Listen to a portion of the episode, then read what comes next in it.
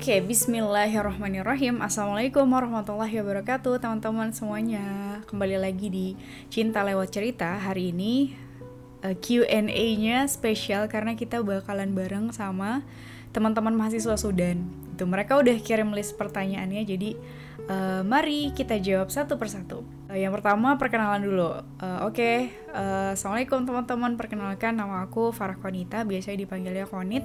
Uh, Asalnya dari Jakarta. Domisilinya juga uh, saat ini di Jakarta. Cuma tujuh tahun kemarin tuh sempat di Bandung. Makanya mungkin beberapa teman-teman ada yang ngiranya Aku asal Bandung karena memang merantau di Bandung Dan sebenarnya di Jatinangornya itu cukup lama. Kemudian lulusan jurnalistik Vkom Unpad. Uh, apalagi ya? Hari ini sibuk uh, bekerja di Smart Satu Tujuan sebagai campaign manager, kemudian sebagai penulis, penulis juga. Alhamdulillah uh, udah nerbitin dua buku. Yang pertama judulnya Seni Tinggal di Bumi, yang kedua Nyala Semesta. Gitu, terus lagi ini juga nih, lagi mau nge-develop sebuah web namanya Pulse, Palestine Learning Source sama mau siap-siap baik berisik angkatan kedua gitu lah ya sedikit kesibukan doakan semoga lancar ya teman-teman. Gitu. Terus uh, pertanyaan yang kedua uh, Teh Konit ini kan influencer masih muda penulis pegiat media tapi juga seorang aktivis yang sangat peduli akan isu-isu yang terjadi di Palestina. Bisa diceritain gak sih Teh kapan pertama kali tertarik mendalami isu-isu seputar kepalestinaan Masya Allah pertanyaannya. Uh, pertama kali tertarik isu kepalestinaan itu sekitar uh, tahun 2016 lama banget ya. Jadi kalau tahu isu kepalestinaan itu sebenarnya udah dari kecil karena orang tuaku gitu ya Umi sama Abi tuh sering sebenarnya ngebahas isu-isu kepalestinaan terus uh, pernah ikut aksi juga tapi nggak pernah tahu nggak pernah ngerti sebenarnya itu kenapa kenapa harus diperjuangin dan sebagainya. Sampai akhirnya karena nggak tahu dan bodohnya juga tidak mencari tahu akhirnya jadi apatis kan. Terus bahkan tuh sempat ada di masa-masa melihat orang yang memakai atribut-atribut kepalestinaan yang suka uh, bertakbir di pinggir jalan uh, Free Palestine gitu. sempat ngerasa apa sih freak banget. Kayaknya masalah di Indonesia tuh udah banyak ngapain sih teriak-teriak kayak gitu ngebelain Palestina dan seterusnya. Sampai akhirnya mulai ngeh sama isu ke, seputar kepalestinaan tuh karena emang cari tahu. Jadi di tahun 2016 itu aku uh, mengerjakan skripsinya tentang Palestina. Jadi awal bisa bisa keidean gitu ya ngambil topik Palestina. Waktu itu judulnya pemberitaan penjajahan Palestina di media Tempo. Karena dulu Tempo termasuk ini kan yang salah satu jurnalisnya uh, main ke kantornya Netanyahu di Israel dan seterusnya. Awalnya itu ngambil tema itu karena sebenarnya agak oportunis. Jadi aku nyari kira-kira mana nih pembimbing yang sekiranya bisa kooperatif sama mahasiswanya nggak hilang-hilang bisa ngebantuin bener-bener dan seterusnya. Dan waktu itu yang aku rasa uh, deket juga sama guru pembimbingnya itu sama ibu Maimun kan yang tidak lain adalah ketua smart satu tujuan.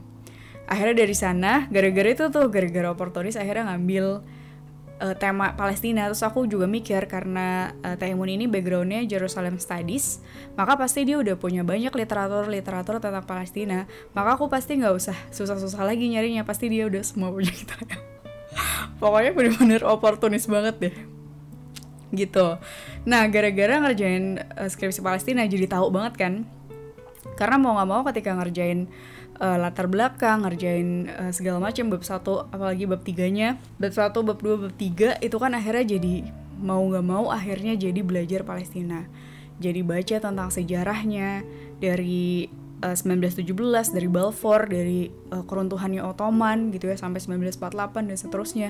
Jadi tahu banget akhirnya ini kenapa sih sebenarnya yang terjadi di Palestina tuh ada apa? Gitu siapa yang salah siapa yang benar? Kenapa yang namanya two state solution itu tuh hal yang salah pokoknya semua pertanyaan-pertanyaan yang selama ini aku anggap uh, apa ya yang aku anggap aneh tadi ya orang-orang yang membela Palestina itu adalah sesuatu orang-orang yang freak. Akhirnya aku mengambil kesimpulan bahwa selama ini aku lah yang freak. Karena ya karena itu karena nggak mau cari tahu udah gitu judging dan seterusnya. Akhirnya jadi tahu tuh sampai uh, sempet tuh ketika lagi ngerjain skripsi tuh lagi ngerjain skripsi nangis karena memang ngebaca sejarahnya yang serem banget ya, waktu lagi bagian nakba tuh sempat nangis tuh. Digambarkan bagaimana pembantaian di tahun 1948 gimana uh, ratusan 700 ribu bayangin 700 ribu orang tuh pergi uh, dari Palestina meninggalkan tanah airnya. Sampai saat ini ada jutaan yang belum kembali dan seterusnya. Dari situ itu tuh udah mulai ada timbul apa ya timbul rasa bahwa oh ya ini adalah tanggung jawab kita apalagi sebagai muslim dan seterusnya. Nah, yang lebih menggerakkan lagi itu adalah ketika ke Turki Selatan. Jadi uh, di tahun 2016 itu juga uh, Bu Maimun itu ada proyek penelit wawancara mendalam pengungsi Palestina di Turki Selatan sama memberikan bantuan. Karena beliau kan uh, foundernya Smart Satu Tujuan dulu tuh aku belum gerak di sana. Jadi kayak masih cuma uh, ikut-ikutan doang gitu lah ya belum aktif banget tapi karena waktu itu alhamdulillah ada basic juga kan jurnalistik ya. Ada basic namanya uh, ngeliput uh, berita wawancara kamera editing dan seterusnya. Akhirnya diajak tuh ke Turki Selatan. Di sana pertama ketemu langsung sama pengungsi Palestina kan. Jadi uh, sesuatu hal yang selama ini aku anggap tuh kayak kayak awang-awang doang gitu loh. Antara ada dan tiada karena nggak pernah ketemu langsung kan. Nggak pernah ada interaksi dan seterusnya. Di situ tuh langsung ketemu gitu ya langsung ketemu sama para pengungsinya langsung ngedenger cerita mereka langsung gimana mereka yang kehilangan tanah airnya. Gimana mereka saat harus kabur dari tanah airnya sembunyi-sembunyi. Ada yang double double refugees jadi abis de, abis ngungsi dari Palestina ngungsi ke Suriah abis dari Suriah ke Turki. Hal-hal yang kayak gitu tuh banyak banget. Dengerin mereka langsung gimana sakitnya gimana menyeramkannya mereka di penjara penyiksaannya. Jadi bener-bener ngeliat langsung bener-bener ngerasain langsung lah kayak masalahnya tuh bener-bener real loh gitu. Terus yang paling dari tadi yang paling mulu ya yang paling jelup lagi juga adalah ketika wawancara dengan Shaukat Meshanas itu uh, wawancaranya teman-teman bisa lihat di akun YouTube-nya Smart 171 tujuan 171 tulisannya yang judulnya Shaukat Meshanas singa yang terpenjara di luar. Uh, beliau itu adalah seorang kakek berumur 83 tahun. Ketika diwawancarai, uh, saat ini sudah syahid insya Allah.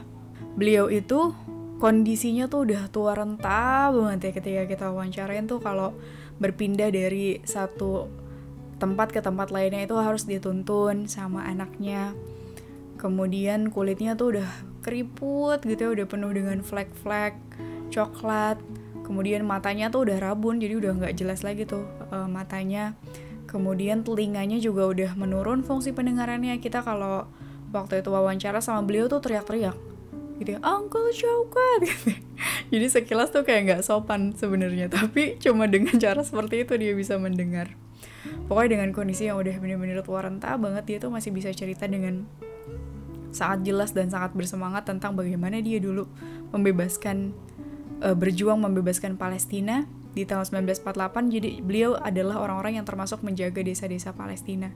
Itu dia dan uh, teman-temannya termasuk orang-orang yang ditakuti dulu. Jadi dia itu adalah keponakan dari temannya Izzuddin Al-Qassam Izzuddin Al-Qassam itu tuh kayak legendary militernya Palestina gitu. Wah pokoknya wah gitu seorang konit yang tidak mengerti apa-apa tentang Palestina. Kenapa Allah pertemukan dengan orang seluar biasa itu dengan saksi sejarah yang bener-bener ada di lapangannya langsung gitu loh. Kemudian dia bilang kayak gini, harusnya aku tidak di sini hari ini, harusnya aku di Palestina ikut berjuang bersama mereka. Gitu jadi matanya tuh udah kayak mau nangis, kemudian ada ada rasa penyesalan yang luar biasa besar di dalam hatinya kalau kenapa dia nggak bisa berjuang lagi sekarang gitu. Kenapa dia ada di sini? Kenapa dia di rumah? Kenapa bukan lagi membela lagi berjuang di Palestina. Hal-hal yang kayak gitu. Nah itu sih yang akhirnya menyadarkanku lah. Kalau ada orang yang sebenarnya pengen bisa berjuang gitu ya tapi nggak bisa sekarang karena berbagai situasi dan kondisi. Sedangkan aku waktu itu posisinya lagi sehat kemudian masih muda waktu luangnya banyak gitu ya. Kenapa cuma gabut-gabut doang kerjaannya? Kenapa nggak membantu membela Palestina walaupun dengan cuma gerakan-gerakan kecil doang. Hal-hal yang seperti itu yang akhirnya sejak saat itu ya sejak dari 2016 tuh ketika berkunjung ke Turki Selatan sama ikut konferensi internasional Al-Aqsa di Istanbul dari situ tuh bertekad gitu ya Allah tuh pasti kan ngasih alasan yang luar biasa ya kenapa bisa sampai menempatkan gitu ya memindahkan seorang konit yang biasanya ada di kampung bernama Jatinangor tiba-tiba ada di Istanbul tiba-tiba ada di perbatasan Turki Selatan dengan Suriah. Dari situ bertekad oke okay, berarti Bismillah Insya Allah uh, setelah pulang dari Turki Selatan harus bisa membawa perubahan. Harus seenggaknya bisa lah mempengaruhi sedikit banyak orang untuk bisa mengenal dan membela Palestina. Gitu panjang ya. Lanjut nomor tiga Menjadi seorang aktivis yang memberisikan Palestina, terutama di kalangan millennials, millennials tentu tidak mudah. Tidak mulus, tidak mulus begitu saja. Apa saja suka duka teteh selama menjadi aktivis yang memberisikan Palestina dan gimana sih cara tepat untuk menyikapi rintangan selama membersamai perjuangannya. Oke, suka dukanya ya. Uh, yang pertama, kalau sukanya tuh banyak banget sebenarnya. Wah, amazing lah uh, jadi aktivis Palestina bekerja di bekerja dengan pembebasan dari pusat keberkahan. Itu kan pasti masya Allah. Itu yang pertama aku ngerasain kalau sukanya ya. Sukanya itu ngerasain banget waktu tuh jadi terasa luar biasa berkah. Jadi aku tuh ketika lulus dari kuliah itu tuh sempat berdoa sama Allah. Nggak sempat sih berulang-ulang kali berdoa sama Allah. Ya Allah uh, boleh nggak aku bisa aktif gitu ya sebagai aktivis kepalestinaan bisa aktif berdakwah bisa uh, menghafalkan Al-Quran tapi finansial aku juga bisa terjaga. Tapi aku juga bisa tetap kokoh gitu secara finansial. Karena dulu itu tuh nggak kebayang yang namanya kalau sekarang tuh namanya work life balance. Jadi bisa balance tuh antara dunia dan akhiratnya dulu tuh nggak kebayang. Gimana caranya ya kalau waktu itu kan sempat ngelamar-ngelamar gitu ya kerja dari satu perusahaan ke perusahaan lainnya. Gimana caranya bisa jadi aktivis Palestina? Gimana caranya bisa fokus ngafalin Al-Quran? Kalau harus kerja dari uh, pagi sampai sore kemudian Sabtu juga suka ada panggilan dan seterusnya. Terus aku berdoa terus kayak gitu sama Allah bisa nggak waktunya tuh berkah sampai semuanya tuh bisa balance semuanya tuh bisa aku kerjain? Gitu bisa menjalankan peran dalam satu waktu berbagai macam peran dalam satu waktu sampai akhirnya ternyata Allah kabulkan saat ini. Itu ngerasa banget. Jadi kalau ketika kita apa ya mencoba mengorbankan mengorbankan apa yang kita inginkan secara dunia supaya bisa aktif sebagai aktivis Palestina supaya bisa uh, menghafalkan Al-Quran gitu ya ternyata Allah balas semuanya gitu. Sampai sekarang tuh bisa tuh terkabul. Finansialnya tetap terjaga bisa aktif juga gitu ya fokus di kepalestinaan bisa ngafal Al-Quran juga bisa aktif juga sebagai aktivis dakwah. Nih, jadi aku ngerasain banget, masya Allah ini keberkahan yang luar biasa. Kemudian ruhiyahnya terjaga. Kenapa? Karena uh, selalu dekat dengan kisah-kisah yang apa ya, yang kayak sirah nabawiyah gitu lah ya.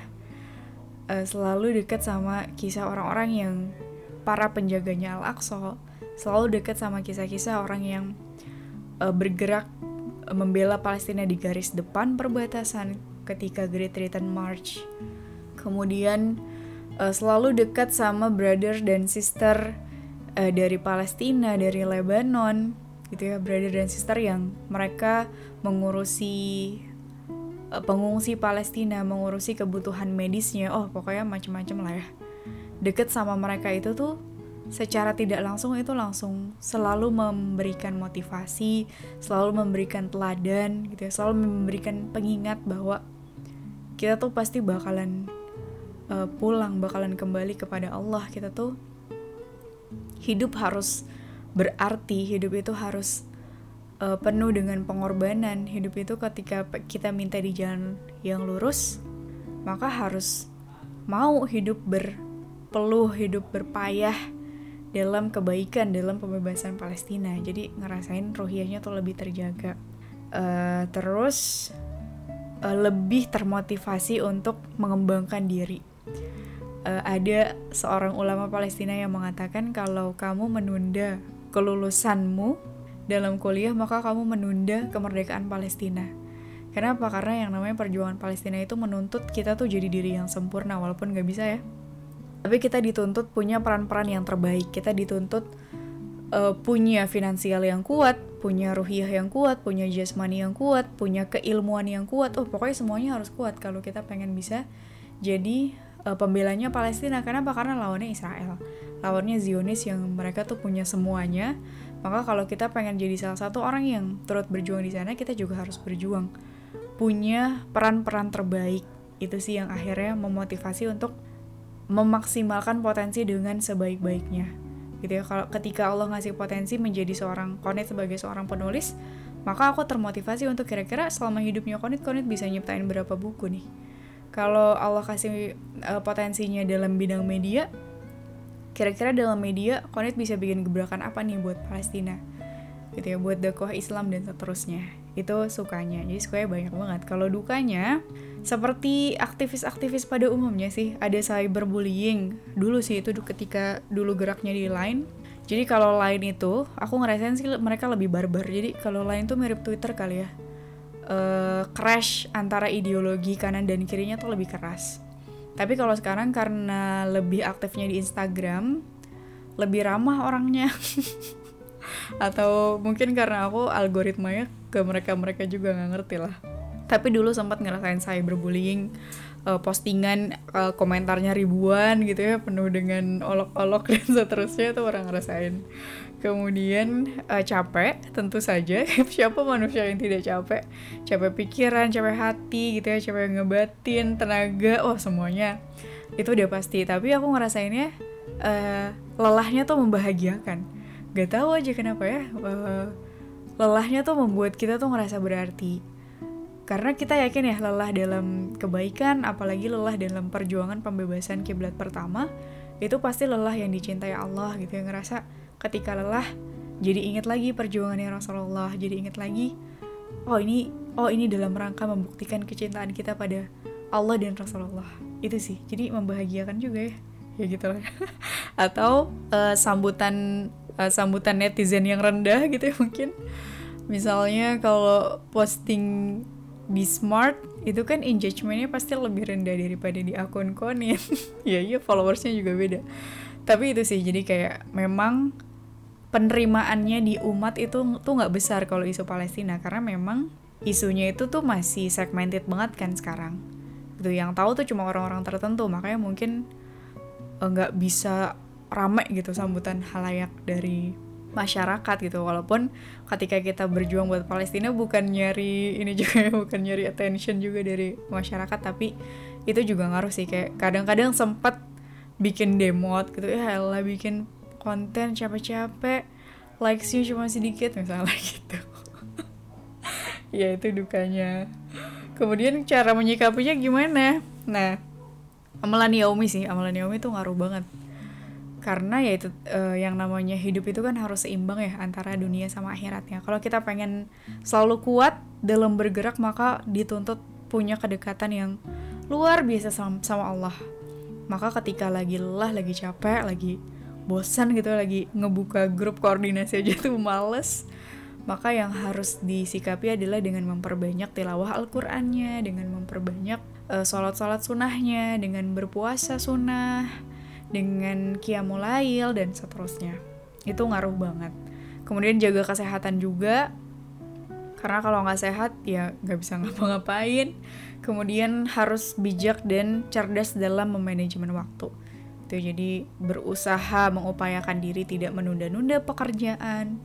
Berusaha nggak mager-mageran nggak rebahan nggak uh, liatin YouTube terus dan seterusnya gitu. Oke lanjut ya nomor 4 apa ini beberapa kali muncul di sebuah akun komunitas Palestina Smart Satu Tujuan Baik Berisik apa hubungan Tekonit dengan komunitas tersebut?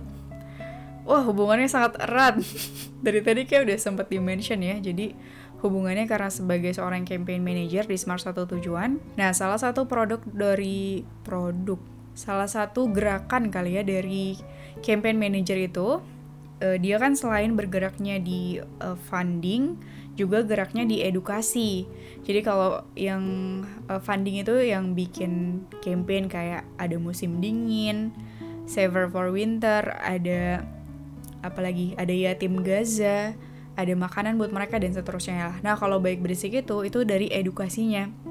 Jadi kita pengen bikin sebuah wadah buat para millennials nih yang gak ngerti gitu soal Palestina karena aku ngerasain banget ya dulu tuh ketika belum gabung gitu ya sama Smart Satu Tujuan belum gabung sama orang-orang yang gerak di situ sama sekali gak ngerti tentang Palestina tuh kenapa dan seterusnya. Nah pengen bisa bikin wadah namanya baik berisik itu buat anak-anak ketika mereka pengen berisik buat Palestina harus dipastikan berisiknya itu tuh berisi gitu jadi jangan sampai cuma free Palestine free Palestine. Tapi ketika ditanya kenapa sih harus ngebela Palestine? Nggak tahu. Gini aja sampai kayak gitu. Nah salah satu fungsi baik berisik tuh kayak gitu. Jadi ada edukasinya. Sama kita nggak challenge juga teman-teman buat uh, berani speak up tentang Palestina buat bikin karya tentang Palestina dan sebel dan seterusnya. Gitu. Lanjut ya nomor 5 baru-baru ini merilis novel Nyala Semesta yang menceritakan tentang penjajahan yang ada di Palestina. Apa motivasi Teh Konit membuat karya tulis dengan tema kepalestinaan di antara banyak sekali penulis-penulis di sekitar kita yang lebih tertarik mengusung tema lainnya? Uh, exactly. Uh, aku maju mundur banget ketika nulis novel Nyala Semesta. Karena kalau mikirin dari segi uh, segi bisnis, ini tuh sesuatu yang sangat riskan karena segmented kan tadi yang ngerti tuh dikit jadi pasti challenge buat laku di pasarannya tuh lebih sedikit daripada tema-tema yang lainnya. Itu yang bikin maju mundur.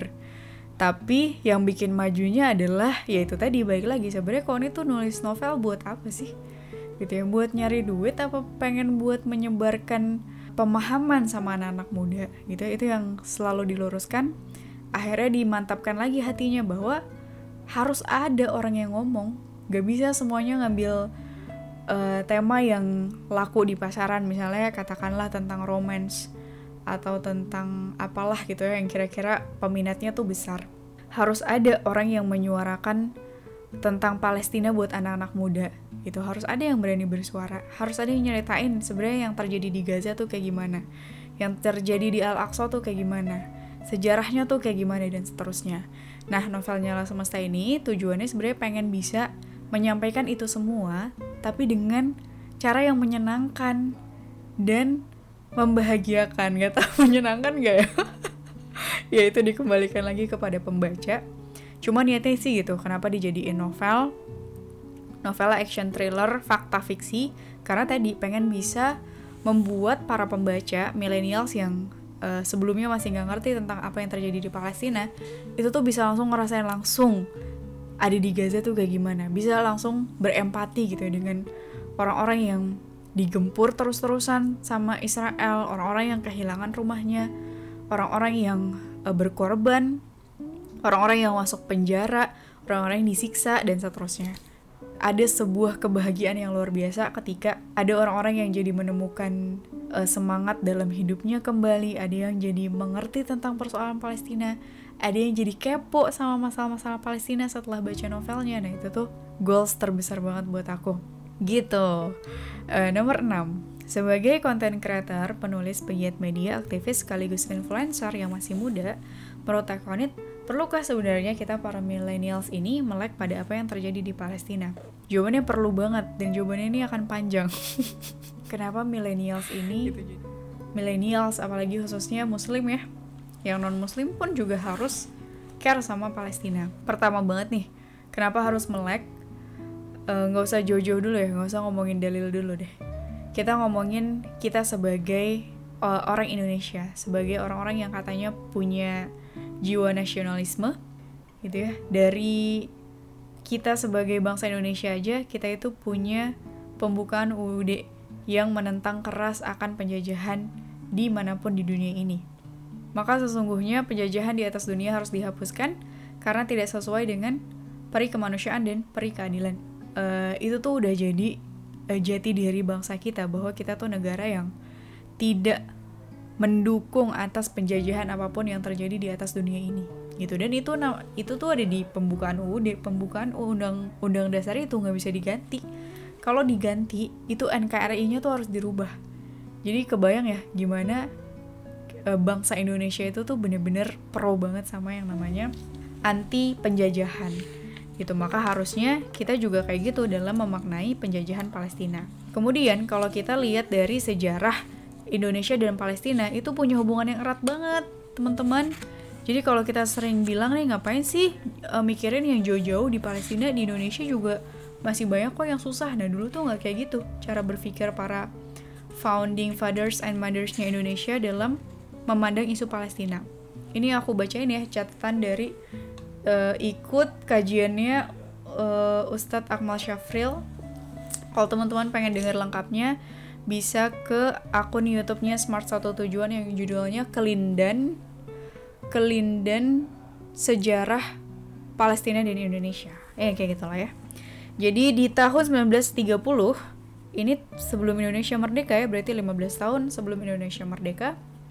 Itu ada Ikatan Pemuda Islam, Jong Islamitan Bond mereka tuh udah menyampaikan aspirasi untuk menolak pendirian negara ilegal Israel gitu. Jadi luar biasa dari 1930 aja tuh udah ada gerakan-gerakan yang menentang penjajahan Israel. Karena waktu itu udah mulai kan penjajahannya tuh dari sebelum 1948. Terus uh, Kiai Haji Agus Salim ini juga founding fathersnya Indonesia kan. Itu juga pernah mengkritik konsep nasionalis eh, orang-orang yang bilang ngapain sih ngurusin negara orang? Sama ya kayaknya uh, dengan sekarang.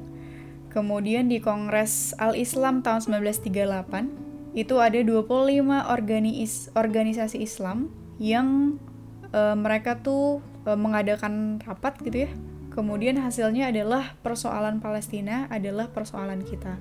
Kemudian menyebarkan gitu ya ke seluruh organisasi Islam yang tadi untuk mewajibkan umat Islam membaca kunut nazilah untuk bisa membantu Palestina, kemudian menggalang dana.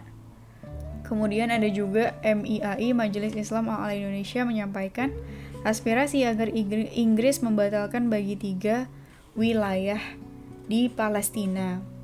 Ada juga Kiai Haji Saifuddin Zuhri menyelenggarakan aksi dan seruan bela Palestina uh, di 1939 bahkan sempat dilarang sama Jaksa Agung Hindia Belanda. Jadi sebelum Indonesia ada aja, sebelum Indonesia merdeka, ternyata kita tuh para bapak-bapak Indonesia ini udah luar biasa aktif dalam membela Palestina. Gitu. Terus hubungannya juga erat banget ketika pertama kali Indonesia merdeka. Itu yang mengakui pertama kali setelah Mesir adalah Palestina gitu. Bahkan Amin Husaini Mufti Indonesia itu tuh eh Mufti Palestina sorry itu langsung ketemu sama perwakilan Indonesia kemudian langsung uh, mempublikasikan langsung mendukung kemerdekaan Indonesia. Gitulah hal-hal yang seperti itu. Dan masih banyak lagi nih bagaimana dekatnya hubungan Palestina dan Indonesia. Jadi kalau kita ngaku millennials ngaku yang Indonesia banget ngaku yang Pancasila banget maka harusnya kita jadi orang-orang yang membela Palestina Terus kalau dari segi kemanusiaan, wah itu nggak usah ditanya lagi ya. Uh, seluruh orang di dunia ini, kalau yang ngerti isu tentang Palestina, dan dia masih punya hati nurani itu pasti ngedukung Palestina. Ada Rachel Corrie, ada uh, orang-orang di Amerika kalau teman-teman baca bukunya Paul Finley yang judulnya They Dare to Speak, itu dijelasin kalau banyak banget orang-orang Amerika uh, dari uh, dari dunia akademisinya, dari dari legislatifnya orang-orang yang sebenarnya gak suka banget sama Israel dan membela Palestina. Kenapa? Karena mereka tahu ada tragedi kemanusiaan yang luar biasa besar di Palestina. Hari ini udah berapa uh, juta nyawa yang melayang, udah ada berapa juta orang uh, Palestina yang hari ini ada di luar tanah airnya yang terkatung-katung yang harus tinggal di tenda-tenda pengungsian apalagi sebentar lagi musim dingin ya udah November. Itu jadi sesuatu hal yang sangat mengerikan buat mereka. Ada berapa orang ada berapa juta orang hari ini yang luka-luka yang kehilangan tempat tinggal dan seterusnya. Ada berapa banyak wilayah yang hari ini dicaplok sama Israel? Gitu ya hari ini kan uh, wilayahnya Palestina tuh kurang dari 15 persennya loh dari total tanah mereka di tahun uh, 1917 atau bahkan sebelum dari itu. Itu yang harusnya jadi pertanyaan besar kayak buat kita sebagai uh, orang yang mengaku manusia dan memiliki perikemanusiaan maka harusnya concern ada ada empati sama saudara-saudara kita. Apalagi mereka adalah saudara-saudara muslim. Gitu. Kemudian ini tuh juga tentang akidah. Jadi kalau kita ngomongin tentang kenapa milenial harus melek sama Palestina karena ini ini tuh soal akidah. Kalau kita mengaku muslim, kalau kita mengaku uh, memiliki pedoman hidup bernama Al-Qur'an, maka harusnya kita jadi orang yang sangat peduli sama Palestina. Uh, yang pertama, Palestina ini tuh banyak banget dimention dalam Al-Qur'an. Gitu ya Baitul Maqdis, diceritain dulu sejarahnya gimana. Para nabi ada 12 dari 25 nabi yang kita tahu yang tinggalnya uh, pernah tinggal atau bahkan lahir besar dan berdakwah di Palestina. Ada Nabi Ibrahim, Nabi Muhammad kita tahu ya ketika Isra Mi'raj, uh, Nabi Sulaiman, Nabi Daud, Nabi Musa, Isa, Lut, Ishak, Zulkifli, Ilyas, Ilyasa, Zakaria dan Yahya. Mereka semua tuh pernah ada di Palestina. Jadi kebayang ya luar biasa keberkahan tanah ini tuh kayak gimana. Ada 12 nabi dan kita nggak tahu ya nabi yang tidak disebutkan itu ada berapa banyak yang pernah ada di Palestina. Jadi luar biasa kalau kita semoga gitu ya Allah takdirkan ke Palestina maka mungkin tidak ada tapak-tapak di bumi Palestina yang tidak pernah ditapaki sama para nabi dan rasul karena itu tuh udah jadi homelandnya mereka. Itu tuh luar biasa kalau secara akidah. Jadi harus harus jadi pertanyaan juga kenapa sih Allah itu menyisipkan banyak sekali Palestina dalam Al-Quran? Kenapa Allah itu menempatkan banyak sekali nabi dan rasul di Palestina? Gitu karena Allah pengen ngasih pesan kepada kita bahwa Palestina itu milik umat Islam bahwa Palestina itu adalah tanah yang harus kita jaga bareng-bareng karena miliknya umat Islam bukan miliknya orang Palestina doang. Gitu. Terus e, banyak juga warisan sejarah Muslim di sana. Ada warisan Umar bin Khattab ada warisannya Salahuddin al Ayubi bahkan masih ada sumurnya Utsman bin Affan. Itu tuh harus jadi kedekatan di hati kita sebagai seorang muslim. Kemudian dia juga tanah suci kita, kemudian masjid suci kita e, pernah jadi kiblat pertama sebelum diubah e, oleh Allah ke Masjidil Haram.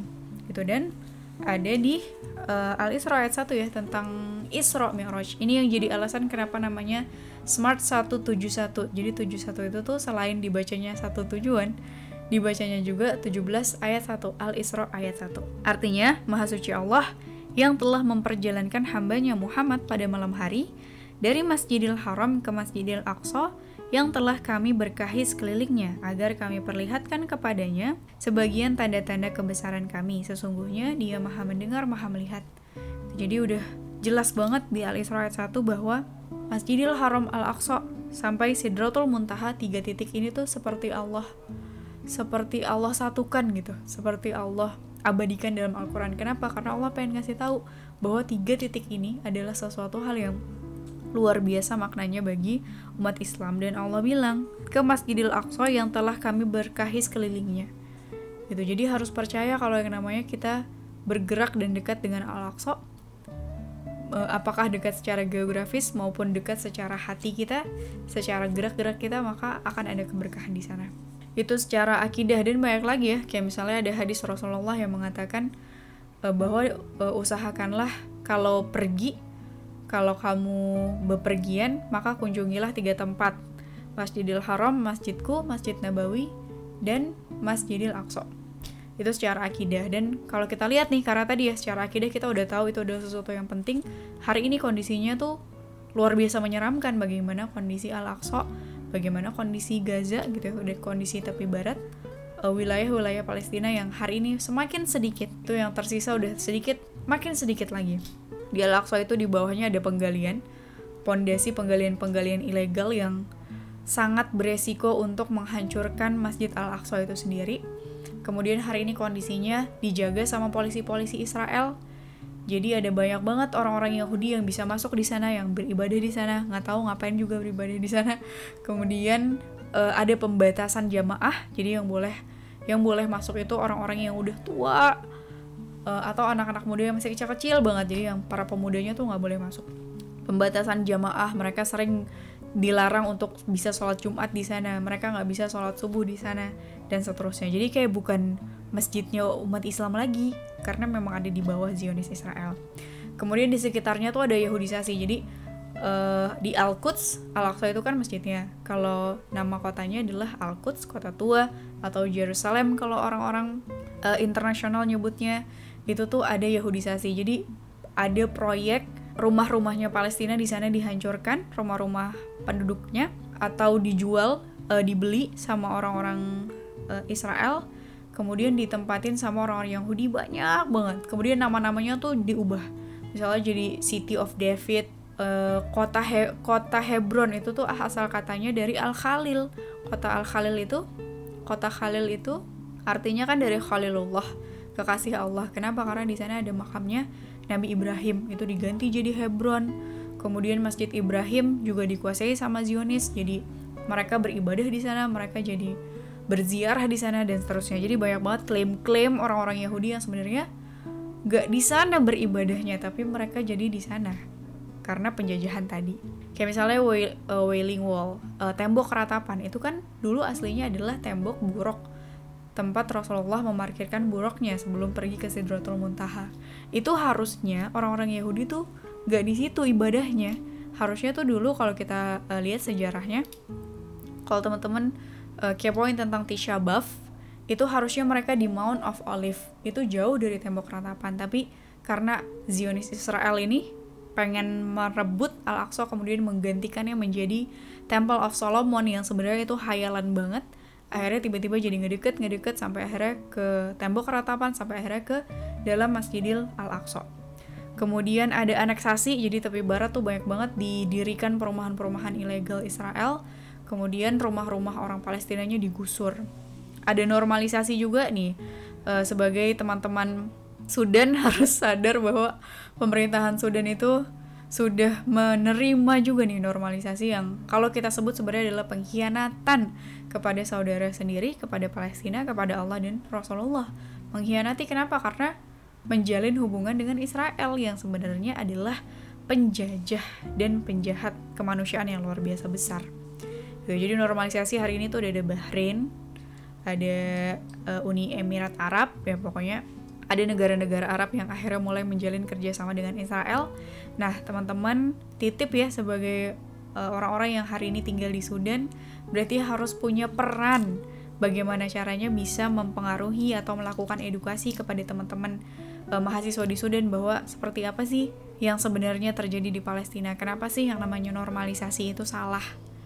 dan seterusnya itu uh, tugas teman-teman di Sudan kemudian uh, tentang Gaza juga blokade Gaza juga luar biasa kondisinya dari tahun 2007 apa 2006 ya itu tuh Gaza mulai diblokade. Jadi di sekeliling Gaza itu didirikan tembok rasial yang sangat tinggi. Mereka nggak boleh ke mana-mana. Nggak boleh ada ekonomi berputar keluar dari sana. Dari laut juga dibatasi. Oh pokoknya luar biasa. Gaza itu juga disebut sebagai penjara raksasa. Nah hal-hal yang kayak gitu yang akhirnya membuat kita gak bisa melepaskan Palestina begitu aja dari kehidupan kita. Gitu. Dan jangan pernah apa ya jangan pernah takut jangan pernah khawatir ketika ketika kita membela Palestina tuh kayaknya seluruh hidup kita habis gitu waktunya buat Palestina tuh enggak. Gitu ketika kita ngebela Palestina tuh cuma ngambil sedikit banget kok dari hidup kita. Ketika kita berdonasi tuh paling kita cuma menyumbangkan berapa sih? Kayak nggak ada setengahnya. Mungkin nggak ada seperempatnya juga dari harta kita. Itu ketika kita uh, nge-share informasi emang semua yang kita informasi yang kita share semuanya tentang Palestina enggak kan? Ada juga informasi-informasi lainnya. Jadi kalau meminjam perkataan Ustadz Heri itu titip Palestina gak harus semuanya gitu ya gak harus semua hidup kita fokus di Palestina tapi selipkanlah selipkanlah eh, bantuan-bantuan kita, selipkanlah pembelaan-pembelaan kita buat Palestina. Gitu guys. Lanjut ya, bismillah. Pertanyaan ketujuh, banyak argumentasi yang tumbuh di kalangan millennials bahwa isu-isu kepalestinaan adalah isu yang berat dan kompleks yang seharusnya dibahas oleh para ahli saja. dan tidak dibahas oleh anak-anak muda seumuran kita. Bagaimana Teh menanggapi hal tersebut? Nih lucu ya kalau ada anggapan kayak gini seperti aku dulu yang menganggap begini. Uh, jadi pertama tadi ya ketika uh, bahasannya tentang Palestina kita itu dituntut untuk bisa berempati dengan kesulitan orang lain di saat diri kita tuh juga punya kesulitan di saat kita tuh juga punya banyak masalah. Jadi kalau kita melihat hari ini para aktivis Palestina yang kayaknya tuh hidup dan matinya buat Palestina itu tuh bukan berarti mereka pengangguran bukan berarti mereka nggak ada gak ada masalah apa pun di dunia ini gitu. Jadi setiap orang tuh pasti punya masalah. Setiap orang pasti punya bebannya sendiri pasti punya ujiannya tersendiri. Tapi kita dituntut karena tadi ya kita pengen jadi orang-orang yang mulia kita pengen jadi orang-orang yang bisa membuktikan cintanya pada Allah dan Rasulullah. Kita dituntut untuk bisa membela Palestina. Nah gimana biar orang-orang biar anak-anak muda bisa punya perasaan kayak gitu juga? Karena dengan perasaan kita berempati dengan Palestina dengan perasaan tadi ya kita uh, punya ikatan secara akidah punya ikatan secara persaudaraan Islamiyah maka pasti kita bakalan punya semangat untuk cari tahu, cari ilmu tentang apa sih yang terjadi di Palestina. Kita bakalan berpikir seribu cara gimana caranya biar kita bisa berdonasi juga buat Palestina, bisa ngebantuin Palestina dan seterusnya. Maka sebenarnya yang harus diubah adalah dari hati kita dulu masing-masing. Jadi ngegerakin orang untuk membela Palestina itu bisa dimulai dari menghidupkan hati kita sendiri dan kawan-kawan kita gitu ya menyuburkan jiwa-jiwa menguburkan menyuburkan rohani-rohani kita. Itu yang akhirnya membuat orang akhirnya bisa tergerak untuk membela Palestina. Jadi suburkan dulu suburkan dulu jiwanya hidupkan dulu jiwanya. Dan itulah tugas kita sebenarnya. Karena kita adalah uh, dai sebelum apa pun kan? Tugas kita adalah untuk menyeru. Tugas kita untuk bisa menghidupkan jiwa-jiwa manusia sebanyak mungkin lewat perantara kita ya. Walaupun yang menghidupkan itu pasti Allah yang ngasih hidayah itu Allah tapi tugas kita adalah menjadi perantara. Tugas kita berusaha untuk bisa menyampaikan gitu sehingga ketika nanti hati-hatinya mulai tersinari dengan cahayanya Allah gitu ya mulai ada gelombang hijrah. Kalau sekarang-sekarang kan kita bisa ngeliat ya ada gelombang hijrah yang luar biasa. Kenapa? Karena banyak orang yang udah jengah dengan hati-hatinya yang sekarat dengan hati-hatinya yang kering maka cobalah untuk menyuburkan hati-hati mereka dulu, baru setelah itu perlahan-lahan kita kenalkan sama Palestina. Kita kenalkan sama isu kemanusiaan yang ada di sana. Kita kenalkan tentang bagaimana dulu Rasulullah ikatannya dengan Palestina, bagaimana dulu para nabi dengan Palestina, bagaimana Al-Qur'an membahas tentang Palestina dan seterusnya. Gitu. Itu tugas kita yang sebenarnya mudah banget sih dibandingkan dengan orang-orang Palestina yang hari ini langsung berjuang di Palestina, di Gaza, di Al-Aqsa, dan seterusnya. Gitu. E, nomor 8, banyak hal yang menjadi beban tugas untuk turut yang turut memberati pundak para milenials bangsa saat ini asik. Kenapa kita tetap perlu menaruh cinta pada Palestina? Tadi udah kejawab di nomor 6 nih, ketika kita ngebahas tentang uh, founding fathers-nya Indonesia, mereka itu tidak menunggu bebannya hilang dulu, tidak menunggu uh, masalahnya selesai dulu baru membela Palestina. Bahkan ketika 1938, ketika 1930, 1939 itu kan Indonesia lagi banyak masalah. Lagi masih ada agresi Belanda, masih ada penjajahan dan seterusnya, tapi tetap bisa kok para founding fathers and mothers kita membela Palestina, berjuang buat Palestina, mengirim, mengirimkan bantuan doa buat Palestina gitu. Jadi kenapa sih kita tuh nunggu dulu, nunggu nggak ada tugas dulu, nunggu nggak ada beban dulu baru membela Palestina tuh kapan? Gak bakal ada, pasti selamanya tetap bakalan ada ujian dan beban yang selalu kita hadapi sepanjang hidup kita. Gitu, nah jadi itu yang harus diubah sih pola pikirnya bahwa Ketika kita pengen jadi orang-orang yang hidup mulia dan mati sebagai syuhada, maka tak perlu menunggu beban kita berkurang, tak perlu menunggu masalah kita hilang, baru kita membela Palestina. Gitu.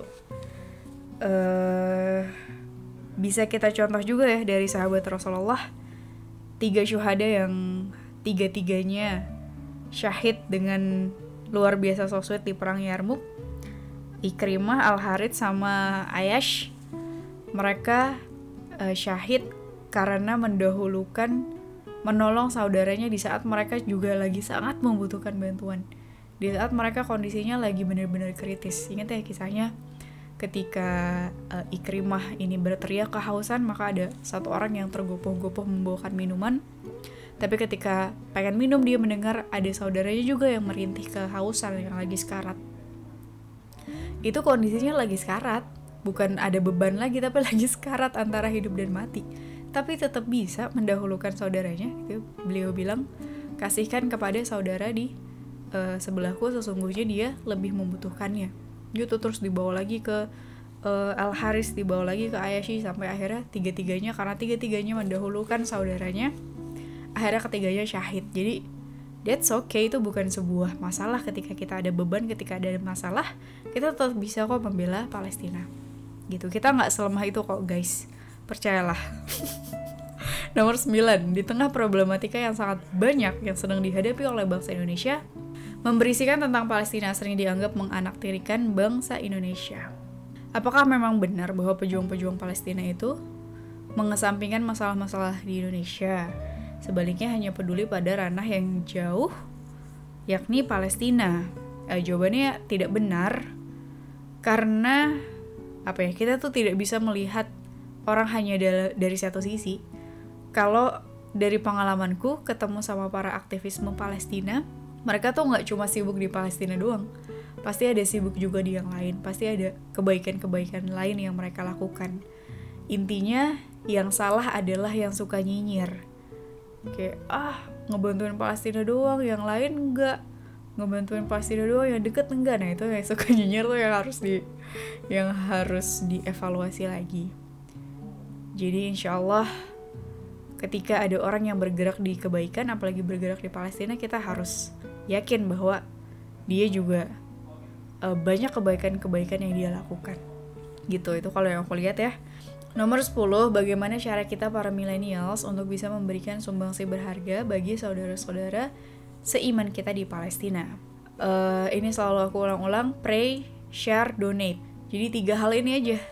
Simple kan? Pray pertama berdoa. Berdoa itu hal yang sangat mudah sekali, bisa kita lakukan kapan pun, di mana pun. Selesai sholat, kita titipkan doa-doa untuk Palestina. Allahumma a'izal islam wal muslimin Allahumma ansur ikhwanana al-muslimina wal mujahidina fi Filistin, fi Gaza, fi Aqsa, fi Syam, fi Yaman, fi Indonesia, fi kulli makan. Ya doainlah umat-umat semua umat Islam yang hari ini lagi kacau balau kondisinya kita doakan. Ketika ada waktu-waktu mustajab di sepertiga malam, ketika hujan, nah selalu doakan buat Palestina. Kemudian share, sebarkan informasi karena yang namanya kepedulian yang namanya kita bisa berempati, bersimpati itu kalau kita tahu. Jadi uh, sebarkanlah informasi tentang Palestina ke teman-teman kita. Kemudian yang terakhir adalah donate. Gitu, sebisa mungkin kita sisihkan sebagian harta kita walaupun sedikit aja. Masa nggak bisa sih? Sehari seribu rupiah gitu atau seminggu seribu rupiah kita donasikan buat Palestina. Sekarang udah ada uh, sistem crowdfunding kalau teman-teman cari di kita bisa ada smart satu tujuan di situ bisa kita ngebantuin seminggu seribu sebulan seribu masa nggak bisa? Walaupun sedikit gitu tapi kalau kita yakin ada uh, ribuan orang yang melakukan itu maka jumlahnya akan banyak. Jadi jangan pernah meremehkan berdonasi walaupun sedikit. Tapi bakalan bagus lagi kalau kita bisa berdonasinya banyak. Amin ya robbal alamin. Itu ya nomor 11 Pesan teteh untuk para milenial supaya lebih peka terhadap apa yang terjadi di Palestina ataupun negara-negara muslim yang sedang dilanda konflik, terutama bagi kita, para mahasiswa Sudan yang notabene sebagai pelajar yang sedang mengenyam pendidikan di Timur Tengah. Sebagai milenial, sebagai anak muda, apalagi sebagai pelajar, sebagai mahasiswa, maka langkah yang bisa kita lakukan adalah belajar sih. Belajar, cari tahu sendiri, belajar sendiri, baca buku sendiri. E, jangan pernah puas ngedengerin sejarah Palestina cuma dari ceramah orang, cuma dari kajian-kajian tapi coba kaji sendiri kita baca bukunya sendiri kita coba analisis sendiri dan seterusnya. Makin kita belajar makin kita cari tahu kita bakalan lebih mengerti tentang apa yang terjadi di Palestina. Pasti beda deh rasanya. Gitu coba kaji Al-Quran itu ngomongin Palestina ngapain aja sih? Gimana aja? Gitu kisah-kisahnya para, para nabi dan rasul ketika di Palestina tuh seperti apa? Itu kan banyak yang dikisahkan dalam Al-Quran. Nah itu coba dicari tahu. Gitu sejarahnya gimana kebijakan-kebijakan Israel gimana, apa aja kejahatan perang yang udah dilakukan sama Israel, apa aja kerugian-kerugian yang hari ini udah didapatkan sama Palestina, itu harus kita yang cari tahu sendiri. Gitu nggak bisa cukup dengan dengerin podcastnya Tekoon tuh sangat tidak cukup. gitu kemudian cobalah untuk terlibat dalam gerak kepalestinaan. Ini bakal ngaruh banget perasaan kita sama Palestina. Uh, apa pun itu gerak-gerak terkecil sedikit pun sekecil apa pun apakah kita ikut kajian? Apakah kita ikut baik berisik? Ya promosi. Atau ikut apa pun lah ya gerak-gerak kepalestinaan di situ akan lebih mengikatkan hati kita sama saudara-saudara kita di sana. Gitu itu yang bisa kita lakukan sebagai anak muda anak millennials. Semoga bisa membuat kita termasuk jadi orang-orang yang turut menjadi pejuang pembebas Palestina. Gitu teman-teman, sekian aku cukupkan Q&A kali ini, Masya Allah ya. Semoga bermanfaat. Wassalamualaikum warahmatullahi wabarakatuh.